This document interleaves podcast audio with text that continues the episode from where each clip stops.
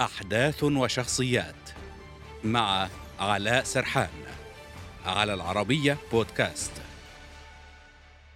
بدأ عام 1939 وأوقفته الحرب العالمية خمسة أعوام. يمتاز بقدرته على اختيار أفلام قوية كان سببا في تعريف العالم بمخرجين كبار. احتلت الأفلام الأوروبية أعلى جوائزه حتى السبعينيات. جائزته الكبرى يحلم بها كبار صناع الأفلام في العالم. مهرجان كان السينمائي.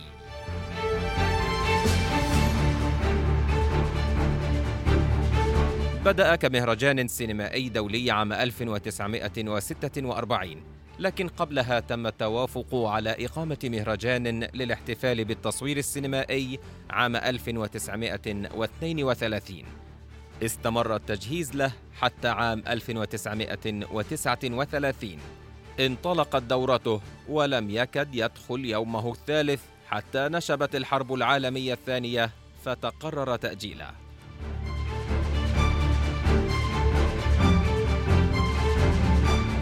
بعد مرور ستة أعوام وبعد أن وضعت الحرب أوزارها تواصل العمل على المهرجان لتنطلق فعالياته بشكل رسمي عام 1946 ومنذ انطلاق مهرجان كان لم يتوقف سوى ثلاث دورات عام 48 و 68 وآخرها 2020 بسبب جائحة كورونا.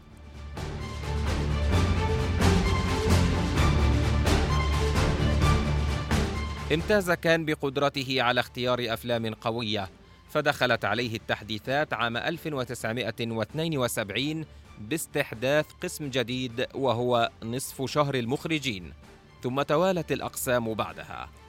لم يبدأ توزيع السعف الذهبية إلا في دورة العام 1955 وكان أول من فاز بها المخرج الأمريكي دولبرت مان عن فيلمه مارتي.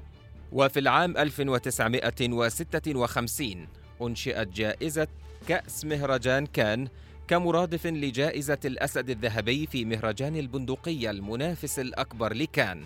لكن الكأس وبحسب فرانس بريس لم تحظى بالإجماع وتم التخلي عنها في دورة 1963 وعاد مجلس الإدارة إلى اعتماد جائزة الدبلوم قبل أن يتخلى عنها مجددا عام 75 ليعيد الاعتبار نهائيا إلى السعفة الذهبية.